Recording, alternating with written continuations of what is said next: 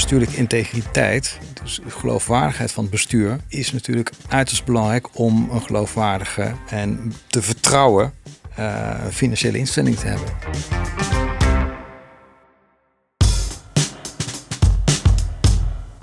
Je luistert naar DNB Talks, een podcast van de Nederlandse Bank. In deze podcast bespreken we actuele financieel-economische vraagstukken met verschillende specialisten van DNB. Welkom, leuk dat je luistert naar de derde aflevering van DNB Talks.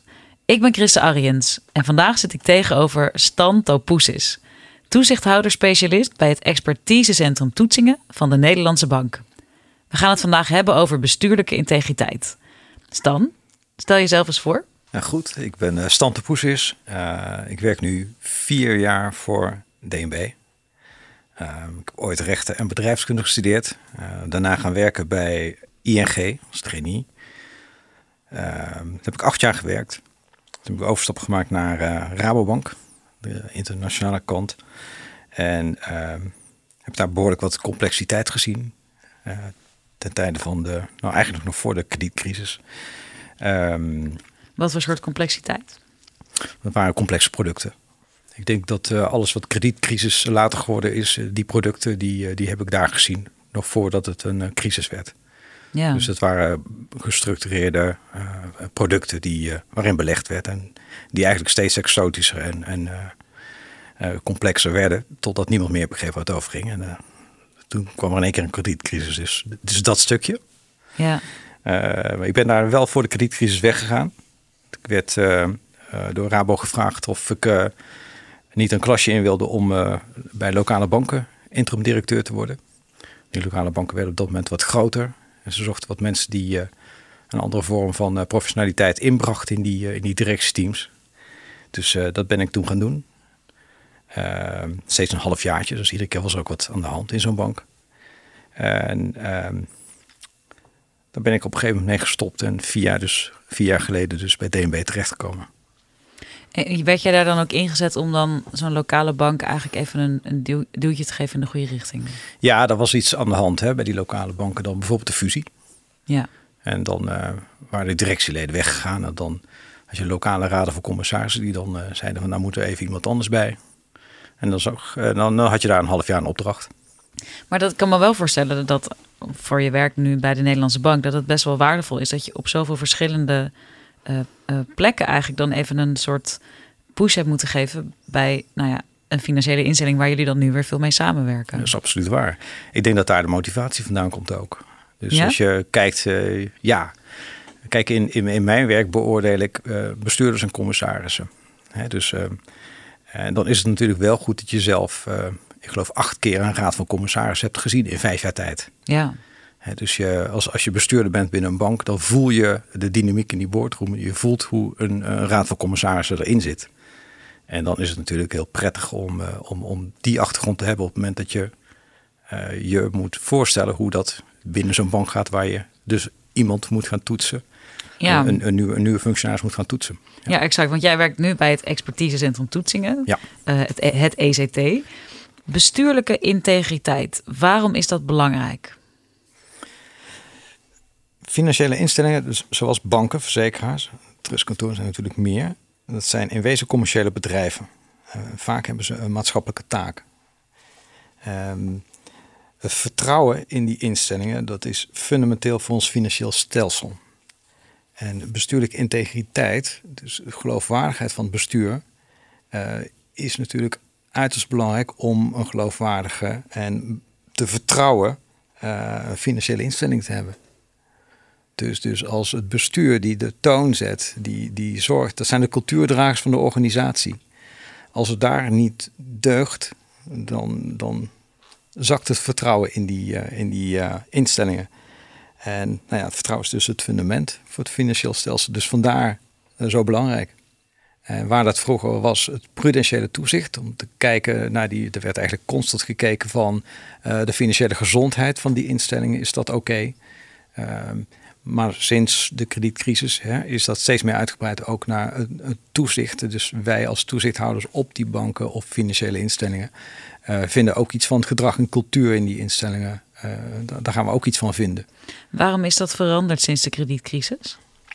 Omdat na de kredietcrisis bleek eigenlijk dat, ehm, dat mensen geen vertrouwen meer hadden in, in, in de cultuur die daar heerste. Nog los van of ze uh, grote verliezen hadden geleden of niet. Dus de financiële gezondheid werd aangetast, maar dat was ook nog niet altijd uh, het geval.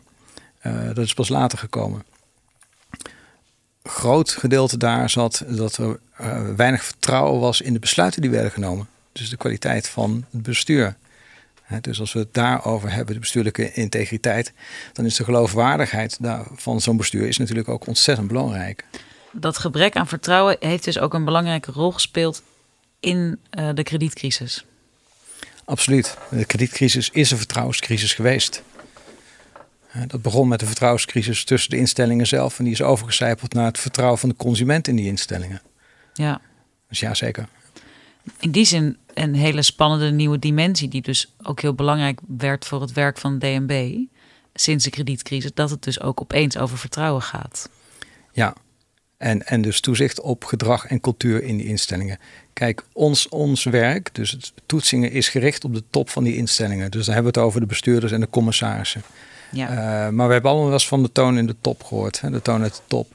Uh, daar zitten de cultuurdragers van de organisatie. Zij moeten het voorbeeld geven.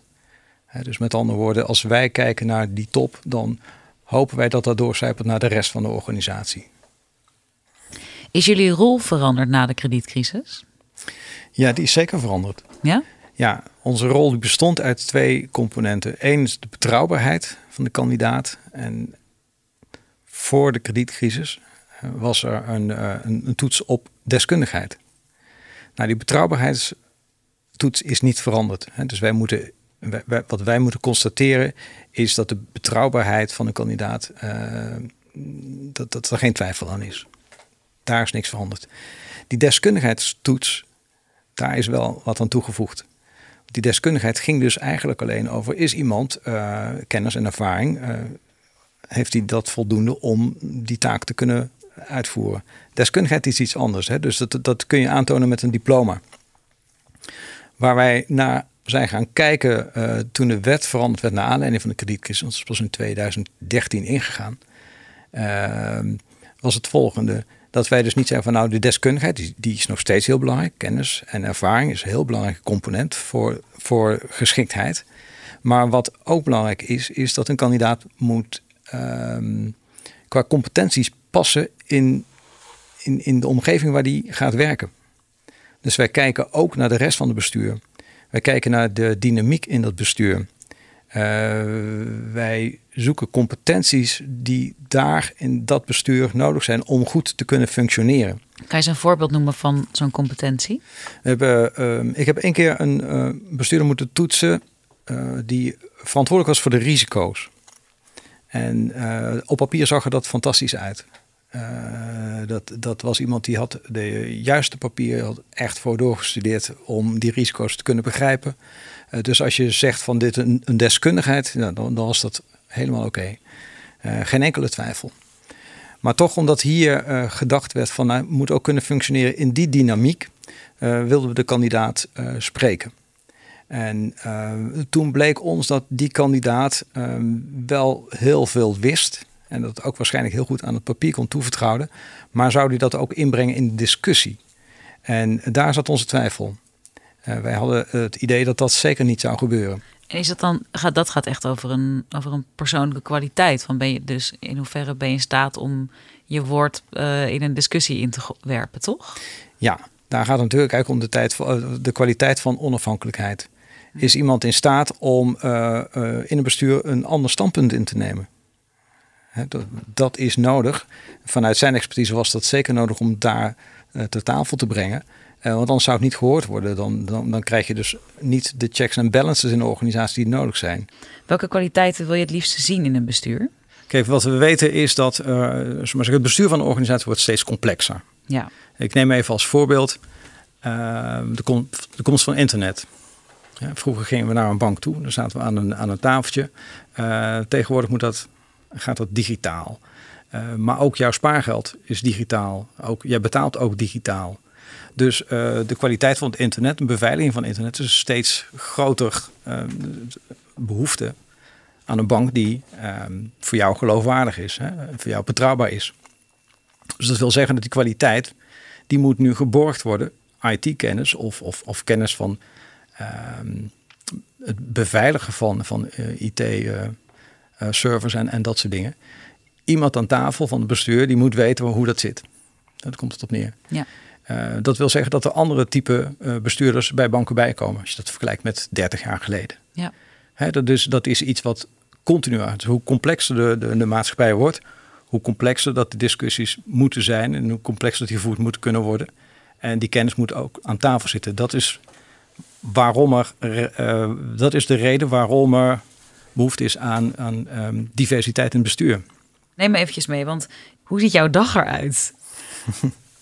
ik toets niet aan de lopende band. Dat is natuurlijk niet het werk wat we doen. Mm in ons proces zit het meeste werk zit aan de uh, voorkant uh, van, van, het toetsingsproces. Dus dat wil zeggen dat we eerst gewoon eens kijken wat er, wat er ligt. Wat, wat komt er binnen? Wij krijgen gewoon de schriftelijke stukken die we nodig hebben. Ja. daar zit bijvoorbeeld in um, het, het, het, proces wat gevolgd is. daar zit natuurlijk een cv in. Daar zit een antecedentenformulier in. Uh, er wordt gewoon eerst onderzoek gedaan op papier. Ja. Uh, als we dat gedaan hebben, we zeggen van ja, kijk, dit, dit heeft toch wat meer informatie nodig. Dan uh, gaan we een interview organiseren. maar dat is in wezen maar anderhalf uur. In beginsel. Hè. Er kan natuurlijk een tweede gesprek komen of zo. Maar dat kost niet zo heel veel tijd. En uiteindelijk moet je je oordeel aan het papier toevertrouwen. Dus dat is ook nog wat. Ja. Dus als je kijkt naar, naar dat proces, dan, dan, dan is 70% van de tijd ben je niet bezig met interviews, uh, maar met andere dingen. Ja, ik kan me zo voorstellen. Ik zit me nou even in te denken dat ik bij jullie kom na een enorme sollicitatieprocedure. En jullie gaan mij dan toetsen. Ik denk dat ik echt, uh, uh, ik denk dat ik echt zou sterven van zenuwen. Zien jullie dat heel, heel vaak dan? Ja, je, ziet, je ziet allerlei uh, kandidaten voorbij komen. Soms echt ook nerveuze kandidaten waar je, waar je niet zou verwachten of waar het echt niet nodig is. Uh, het is nooit nodig om, om nerveus te zijn. Dat, is, dat helpt ook niet aan een goed gesprek. Kijk, een goed gesprek is een open gesprek. Uh, de enige reden waarom we een gesprek hebben is omdat we wat, wat meer informatie nodig hebben om een goed besluit te kunnen nemen. Ja. Dus een, een, gesprek wat dichtslaat vanwege zenuwen, dat is, dat is niet goed. Ehm, dus, dus maar je, je ziet het dus soms wel, omdat er ook veel van afhangt. Kijk, een kandidaat zit aan het eind van een, van een selectieprocedure. Er is een longlist geweest, er is een shortlist geweest. Uh, er is uiteindelijk een kandidaat naar voren gekomen. En die loopt zomaar de kans dat hij op, laatste, uh, op de laatste horde niet kan nemen. Hè? Dat, dat zou kunnen. Um, en dat is natuurlijk zuur en dat maakt soms wat, wat nerveus. Ik denk dat de, de, de kracht van ons moet zijn in het begin, als we dan een interview nodig hebben, dat we uh, die angst wegnemen. Ja. Maar toch, jij zegt net ook, als iemand dichtslaat van zenuwen, dan kan dat ook een soort indicatie zijn van dit voelt misschien niet helemaal goed. Inderdaad, waar, waar vaar jij op? Van wat zijn dingen die je voelt in zo'n in zo'n interview dan, waarvan je zegt, hey, dit is heel goed. En hierbij denk ik, oh ja, misschien is het toch niet de meest geschikte kandidaat. Uh, nou, of iemand geschikt is of niet, dat, dat hangt niet af van, van de zenuwen van dat moment. Nee, dus dat, dat, hangt dan, uh, dat hangt van een hele andere. Dat is gewoon niet goed, omdat het niet fijn is voor die persoon. Nee, nee, nee. nee. En als dat zo is, dan moeten we ook uh, gelijk wegnemen. Hè? Dus dan, ja. we hebben ook gewoon zeggen, joh, geef, geef dat aan als, als het nerveus wordt of wat dan ook. dan hebben we even een break, dan doen we even een time-out, een glas water, even een pauze. want dat, dat helpt ons niet. Um, maar terug naar jouw vraag, hè, wanneer, wanneer voel je nou dat iemand geschikt is of niet? Dat zit vaak al ook in een voortraject. We beginnen natuurlijk niet met een interview, dat is, dat is som, in sommige gevallen nodig. Dus het zit veel meer aan de voorkant. Oh, er komt niet eens altijd een interview? Nee, er komt niet altijd een interview. Oh, nee. oké. Nee. Als ik kijk naar alle uh, uh, toetsingen die we doen, hè, dat gaat dan over alle financiële instellingen heen, uh, doen ongeveer 25% van de gevallen is er een interview. Ja. En één uh, sector en één uh, wat meer, en de andere misschien wat meer. En soms ook zelfs verplicht. De ECB heeft verplichte varianten. Dus dan is er altijd een interview. Ja. Maar de grondreden waarom we een interview hebben, is gewoon dat we gezien de stukken die we hebben, nog vragen hebben. Dus dat we nog meer behoefte hebben, behoefte hebben aan nog meer informatie. En dat kunnen we best uitvragen in een gesprek. Dat kan ook zijn van wat, wat brengt nou iemand mee aan persoonlijkheid. Als je zegt van die boardroomdynamiek vraagt om iemand die heel stevig of heel onafhankelijk is. of heel overtuigend kan zijn, wat allemaal competenties zijn. Ja, dan haal je dat niet uit de stukken. Dus nee. daar heb je een interview voor nodig. Ehm, maar kijken naar de voorkant, hè, waar we soms niet een interview nodig hebben, is gewoon, uh, daar kijk je al naar de reden waarom is er een vacature ontstaan. Kijk naar een, een, een, uh, een, financiële instelling waar gewoon iemand promotie maakt van een ander bedrijf aan een groter bedrijf gaat of wat dan ook. Een logisch, logische keuze in zijn uh, of haar carrière. Dan is er een vacature en die moet opgevuld worden. Ja. Nou, dat kan met een interne kandidaat, kan met een externe kandidaat zijn. Uh, maar als er een logische vacature ontstaat en er komt een, uh, een, een, logisch vervolgfunctieprofiel op, want dat zit dan ook in onze stukken. Dit is het functieprofiel wat we nu gezocht hebben. Dat kan anders zijn dan de vorige keer. Er kan natuurlijk uh, kan wat nieuwe kennis voor nodig zijn of wat dan ook. maar dat functieprofiel moet ook logisch zijn. Hè, dus vervolgens zien wij een kandidaat in de voordracht. Dus dan heb je cv, uh, we doen natuurlijk onderzoek naar wat, wat, wie nog meer gedaan heeft. Wij, kijken daar natuurlijk goed naar. En zeggen, is dit nou een logische keuze als we kijken naar het profiel? Dus je hebt al, eigenlijk al een logische stap. Op het moment dat dat een logisch uh, cv is met, met iemand die kennis en ervaring heeft, um, die, die, die eigenlijk verwacht, nou, dan, dan zou dat zomaar een geschikt kandidaat kunnen zijn. Ja in dit proces hebben we natuurlijk ook altijd gewoon een gesprek met de toezichthouder op deze financiële instelling. Dat is iemand die dagdagelijks bezig is met deze instelling. Dus die kent veel meer het dossier. Die kent gewoon de actualiteiten in die bank of bij die verzekeraar. Dat is dan altijd een toezichthouder vanuit het DNB ook? Dat is een DNB-toezichthouder. Ja, dat is een collega. Dat zijn de collega's waar wij mee toetsen. Ja. Kijk, wij zijn, wij zijn de toezichthouder specialisten. Dus wij mhm. doen in wezen niets anders dan uh, in dit proces een oordeel uh, vellen met, met die anderen dan uh, over uh, de geschiktheid en de betrouwbaarheid. maar de, de, de toezichthouder die verantwoordelijk is voor die financiële instelling, die weet natuurlijk veel meer. Ehm, die spreken wij natuurlijk ook in het voortraject. Wat speelt daar nu? is, is er een bepaalde dynamiek aan de gang? staat er een grote reorganisatie op, op op stapel. Is er een portefeuille herverdeling in, in, in, het bestuur? Dat zou ook zomaar kunnen. Wat, wat speelt er? Dus als er heel veel dynamiek is in die organisatie, ja, dan is dat vaak ook wel een reden om even te kijken van, uh, nou, die, is hier een gesprek nodig. Dan is het ja. eerder een gesprek nodig dan wanneer het een hele stabiele omgeving is. Dus dat zijn de dingen die je uiteindelijk allemaal meeneemt om te besluiten of je een, een gesprek nodig vindt of niet. Maar kun je je voorstellen dat het ontzettend leuk werk is om te doen ook. Ja, is dat zo? Ja, zeker. Ja. Zeker als je dus, uh, we hadden het al eerder over dat ik zelf als interimbestuurder, ik geloof acht keer een raad van commissaris heb gehad. Ja. Uh, dan, dan weet je ook hoe belangrijk een raad van commissarissen is intern en wat die meebrengt. Ik bedoel, het, het, kan, het, het kan je enorm helpen als bestuur. Door je, door je scherp te houden, maar het kan ook een soort angst veroorzaken in een, in een organisatie. Dat is allemaal niet wat je wil. Nee. dus, uh, dus de goede mensen in, uh, in, op die plekken krijgen, de juiste bestuurders, de juiste commissarissen, dat draagt enorm bij aan, aan de kwaliteit van het bestuur. En als het bestuur goed zijn werk kan doen, hè, dan, dan uiteindelijk resulteert dat natuurlijk gewoon in financiële instellingen waar wij wat aan hebben als consumenten. Is het ook wel eens, gebeurt er dan ook wel eens iets waarvan je denkt, oh ja, deze heb ik wel echt altijd onthouden? Ik zie wel een klein glimlachje ontstaan als ik dit vraag. Ja, uiteraard. Uh, ja, het is natuurlijk zo dat wij niets over individuele toetsingen kunnen zeggen. Nee. Maar je hebt wel hele mooie dingen meegemaakt. Uh, dat, uh, dat absoluut. Zoals? Nou, ik denk een, een heel mooi proces. En ik zal dan proberen, nou, ik ga natuurlijk geen, geen dossiers bekendmaken. Maar wat er gebeurde was een commissaris met een hele gespecialiseerde portefeuille. We hadden het even eerder al over uh, die diversiteit die nodig is. Uh, en dit was iemand die ergens heel veel verstand van had. En die uh, werd, zeg maar zeggen, als kandidaat voorgesteld voor een raad van commissarissen. Goed. Had een gesprek mee. en het bleek in dat gesprek dat deze persoon wel heel erg met dat ene onderwerp bezig was. En die had ook al een aantal eh, raden van commissaris vergaderingen meegemaakt als toehoorder.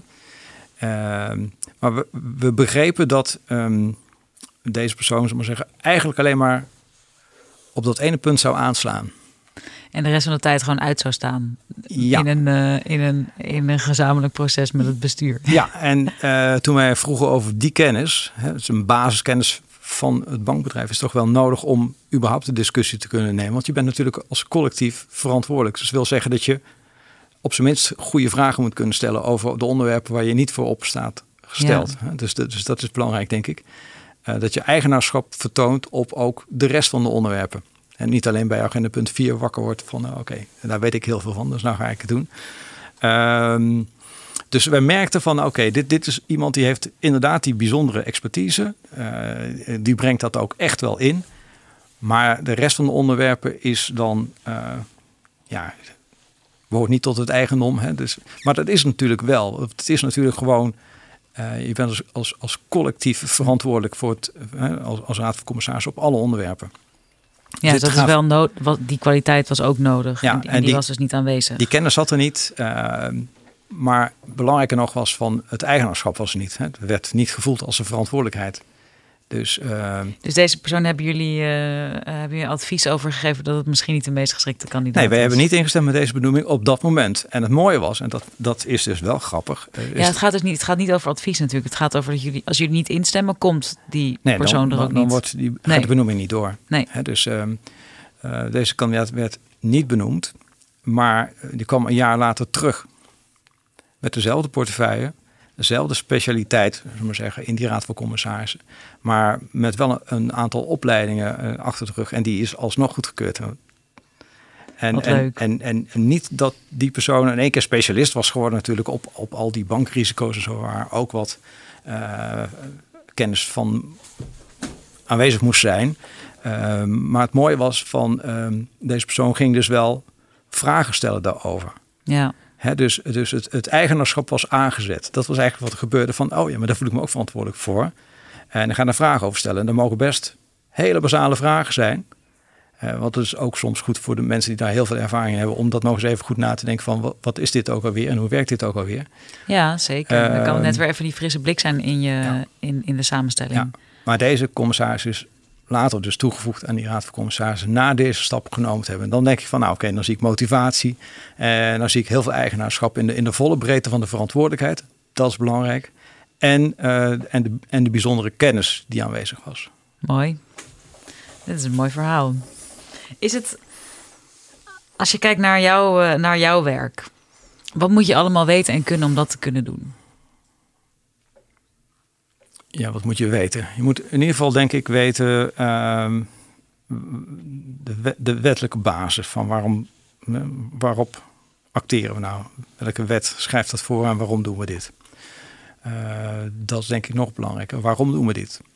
dus dat zegt iets over jouw motivatie. Maar wat moet je nou weten? Want waarom doen jullie dit in één zin?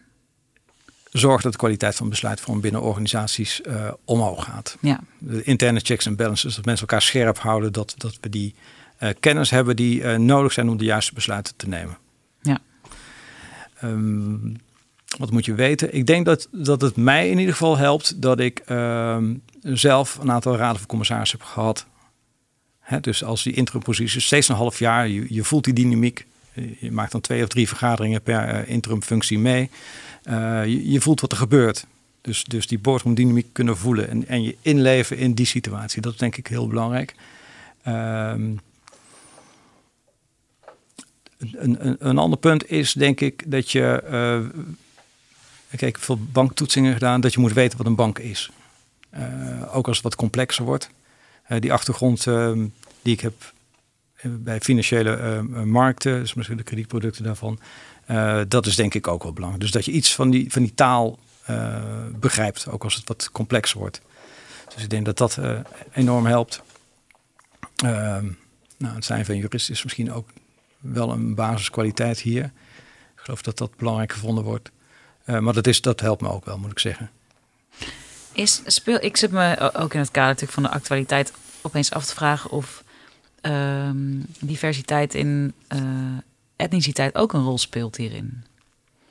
Of is dat helemaal niet waar jullie mee bezig zijn? Gaat diversiteit in cultuur altijd over kennis en weet je wel? Of, of is een andere culturele achtergrond, is dat ook nog iets wat belangrijk is voor het, of misschien wel in de toekomst voor het vertrouwen in financiële instellingen?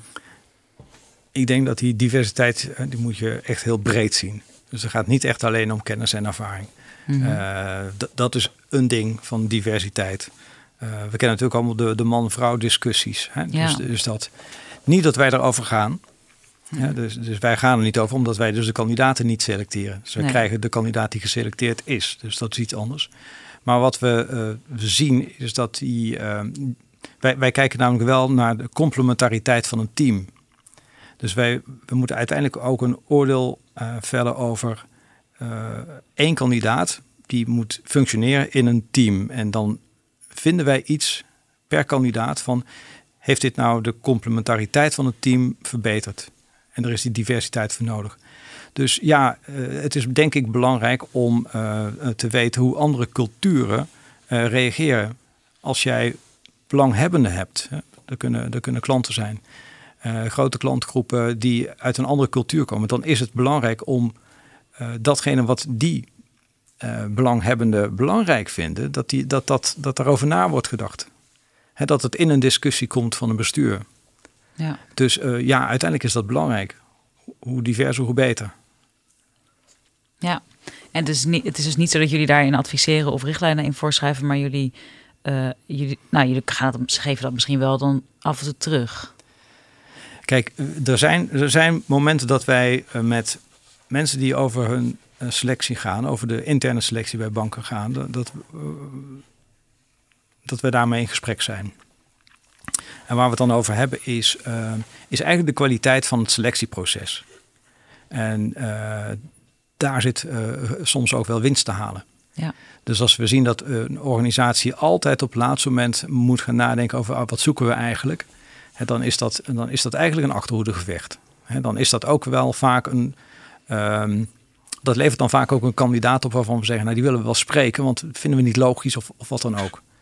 Uh, een, ik denk dat een, die, bevoegdheid zit vaak bij een raad van commissarissen. Daar zitten de benoeming van bestuurders, maar ook van zichzelf. Uh, er moet nagedacht worden over, kijk, dit, dit is wat er zit, dit is wat we nu hebben. Uh, wat hebben we straks nodig? Dus een organisatie denkt na over wat er in de toekomst voor kwaliteiten in het bestuur of in de raad van commissarissen nodig zijn. Dus dat wil zeggen dat die profielschetsen waar je mee bezig bent, daar, kun je eigenlijk altijd mee bezig zijn. niet dat er direct een vacature is, maar op het moment dat er een vacature is, dan weet je wat je wil hebben. Ja. Dus als je dat ziet, uh, dan, dan, uh, dan zien we dat de kwaliteit van, van, van uh, de voordrachten beter is. Dus ik denk dat dat eh, een, een belangrijk winstpunt is eigenlijk. Ja.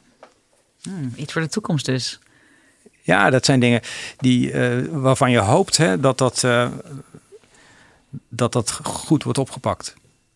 Uiteindelijk hè, is dit een functie die zichzelf overbodig zou moeten maken. Niet dat we daar zijn. Maar wat je wil is natuurlijk dat de organisaties zo goed in staat zijn om de eigen kandidaten zo goed te selecteren dat, dat wij daar geen rol meer in zouden moeten willen spelen. Nee. Maar zover zijn we nog niet. Is dat, is dat dan wel je wens voor de toekomst? Nou, dat is iets waar je naar streeft, denk ik. Hè? Dus als je zegt van kijk, waar kunnen wij nou wat toevoegen, is, is ook gewoon af en toe teruggeven wat we zien. Uh, en vooral dan uh, laten zien waar het heel goed gaat en waarom het goed gaat. Dus, dus nogmaals, ja, echt een raad van commissaris die echt actief bezig is met van als dit gebeurt, dan dat. Ja. Um, dat helpt. Ja. ja. Wat vind jij wat vind jij leuk aan jouw werk bij DNB? Leuk aan mijn werk is eh, dat ik uh, de ervaringen en de achtergrond die ik heb uh, kan toepassen in, in mijn dagdagelijks werk. Uh, dat zit toch een beetje in dat governance. Um, ik heb natuurlijk die bestuurlijke kant gevoeld. Um, definitief bestuur voor mij is, is denk ik niks, maar dit werk is, is heel leuk. Ja, kijk, als, je, als je terugdenkt gewoon terugredeneert naar de hoofdtaken van DNB. Dat is gewoon dat je ervoor zorgt als DNB dat er financiële instellingen zijn waar je met een gerust hart als consument of als bedrijf uh, zaken mee doet. Dat je daar een bijdrage aan kunt leveren. En eigenlijk op een actueel iets. Dus niet in het prudentiële toezicht, waar maar zeggen, de, de klassieke, het klassieke toezicht op gebaseerd is, maar juist ook op die dynamiek waar je zelf iets van gevoeld hebt. Ehm, dat is natuurlijk fantastisch om te mogen doen. Hoe ziet de toekomst van jouw vakgebied eruit? de toekomst van ons vakgebied. Ja, ik, ik hoop dus echt dat het zover komt dat, dat uh, niet ik mezelf, maar gewoon uh, de, deze functie van DNB gewoon minder belangrijk gevonden wordt. Of dat we minder gesprekken nodig hebben of wat dan ook. Ja. Uh, want dat houdt dus in dat de kwaliteit hè, die, die de organisaties zelf toepassen zo hoog is dat we zeggen, ja oké, okay, het levert nauwelijks wat op. Hè, dus, dus dan is dat toezicht eigenlijk, nou oké, okay, moet, moet je minder zwaar uitvoeren, dat, dat is het dan. Uh, dat, dat, dat hoop je dat dat gaat gebeuren. Ja. Uh, ik, ik mag er zelf, uh, als, als, ik ben zelf toezichthouder in een, in een maatschappelijke organisatie. Mm -hmm. dus er zit in een raad van toezicht, wat eigenlijk te vergelijken is met een raad van commissarissen. zit ik nu ook in zo'n remuneratiecommissie. En zijn we nu ook bezig met, met een, sollicitatiegesprekken. Dus dat, dat, dat, kan ik eigenlijk gewoon in uitvoeren wat ik, wat ik zelf ook predik. Ehm, je kijkt daar ook heel blij bij. ja, weet je, dat, dan, dan, dan kom je dus op een veld waarvan je zegt van oké, ja, in theorie weet ik het altijd wel hè, hoe het zit. En, en nu voer je het ook zelf uit.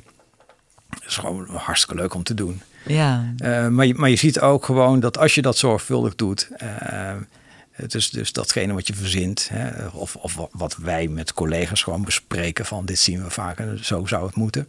En dat is altijd natuurlijk ook een beetje het, het, het, het uh, de tekentafel, hè, zo zou het moeten. Um, maar als je dat zelf kunt toepassen in de praktijk en je ziet dat dat ook zijn effecten heeft en een goede kandidaten oplevert, hè, dus een, een, mooie longlist met kandidaten, goede shortlist, goede gesprekken. Um, maar je kunt ook op meer dingen gaan letten dus niet alleen van oké, we hebben die, uh, die, uh, dat lid voor die Raad van Toezicht gevonden. Maar uh, we konden kiezen uit die en die en die. Die allemaal zouden passen op, op het gebied van kennis ehm, en ervaring. Maar we kunnen dan ook nog de beste kiezen op competenties. Waarmee wij ons interne toezicht, hè, nou heb ik het even over mijn nevenfunctie, mm verbeteren. Mm nou, dat is eigenlijk wat je wil. Ja dat is, dat is waar je het voor doet. En dat, dat gun je dus eigenlijk al die organisaties. Voordat jij bij DNB uh, eh, ging werken, had je toen een bepaald beeld ervan? Uh, ja, uh, ik had wel een beeld van DNB, denk ik. En eh, een aantal jaar voordat ik ging werken, is het ook al eens een keer. Heb ik ook eens even gekeken of ben ik benaderd voor een, een, een plek binnen DNB. En toen dacht ik, nou, dat wil ik niet. Waarom niet? Ehm, dat had even met het imago te maken. En ik heb er ook niet goed over nagedacht. Ehm, waar, waar dat misging is dat ik dacht van nou DNB, dat, dat, is, dat lijkt me niks voor mij. Ik, ik zat toen echt nog aan de commerciële eh, kant van banken. Mhm. Ehm, en toen dacht ik van nee, dat, uh, dan, dan moet ik niet zijn. Dat is misschien te stoffig of wat dan ook. Ja, dat was het imago dus, te stoffig. Ja, ja op dat moment wel. Uh, waar bij mij omsloeg was ehm, toen ik dus die, die interim bestuurlijke opdracht heb gehad, toen kwam ik eigenlijk in een hele andere professionaliteit terecht. lokale banken is, is een, zijn retailbanken. Uh, dat was minder complex als de wereld waar ik in zat. Ja. Uh, dat was een andere vorm van professionaliteit. Uh, die gingen anders om met het nieuws. Het was gewoon het, lezen van de krant. wat ik gewoon gewend was in, in mijn werk, in mijn, in mijn oude werk. Uh, en de discussies die je daarover had met collega's. Uh, en toen de kredietcrisis uitbracht, dat was een ontzettend spannende tijd. Vond ik tenminste. En dat vonden al mijn oud-collega's. Maar op, het moment, op, op dat moment werkte ik in een retailomgeving waar dat eigenlijk helemaal niet speelde. Waar mensen veel meer bezig waren met, uh, met, met, de dag van vandaag en, en ehm, ja. Dus, dus ik, ik miste daar, maar zeggen, de, de nieuwsgierigheid van wat gebeurt hier nu. En wat is de grote lijn eh, ook, of niet? Ja, ja wat, zit, wat zit hierachter? En, en waarom is dit interessant? En uh, ik merkte dat ik in mijn werkomgeving op dat moment niet het klankbord had wat ik had willen hebben. dus wat, wat ik deed is gewoon, ja, dan, ik, ik sloot me even op in mijn kamer en ben toen maar oud-collega's gaan bellen. Uh, maar toen realiseerde ik me eigenlijk uh, van, oh wauw, um, ik vind het heel leuk. Ik vind die, die actualiteiten heel leuk. Ik vind het lezen van de krant heel leuk. En het daarover sparren met anderen vind ik heel belangrijk. En toen werd dat stoffige DNB opeens iets minder stoffig. Ja, toen, toen realiseerde ik me later dus, toen, toen weer zo'n kans voorbij kwam, dat ik dacht van ja, maar daar zitten dus wel mensen met, met die interesses. Ja. En heel veel specialisten en heel veel mensen die uh, die diepgang hebben of, of het daarover willen hebben. En daarom wilde ik toen uh, wel die kant op. Ja. En die diepgang vind je ook echt nu in je werk? Ja, dat, dat is echt zo. Binnen DNB zit heel veel kennis. Uh, er zitten heel veel nieuwsgierige mensen. Uh, professionaliteit is, is, is heel hoog. De kwaliteit die iedereen wil leveren is heel hoog. dat zijn toch de dingen waar je, waar je, waar je blij van wordt, waar je gemotiveerd van raakt. Ja. En in, als je naar de afgelopen vier jaar DNB kijkt, welk moment is jou het meest bijgebleven? Of heeft het meest indruk op je gemaakt? Er zijn binnen DNB fantastische momenten. De, de, je, we, we, kunnen ons ontzettend goed uh, verbreden in kennis. We, we hebben tijd uh, uh, genoeg om goede en zorgvuldige besluiten te nemen, wat erg prettig is. Vind ik zeker als je een commerciële omgeving hebt gewerkt, waar eigenlijk altijd soms uh, te weinig tijd is om, om de goede dingen te doen. Hier mag het goed uh, en zorgvuldig gebeuren. Er is tijd voor. Uh, je, je, kunt je interesses volgen. Dus je kunt je opleidingen inzetten daar waar je wil. Je, je, je, kunt ergens goed in worden. En die ruimte wordt hier gegeven. Ik denk dat het erg prettig is. Ja, bedankt voor dit gesprek. Het klinkt wel, het klinkt alsof je daar goed op je plek zit. Ja, is het ook. Ja, ja. heel fijn. Dank je. Bedankt voor het luisteren naar DNB Talks. Heb je vragen of wil je reageren op de podcast? Neem dan contact met ons op via dnbtalks.dnb.nl.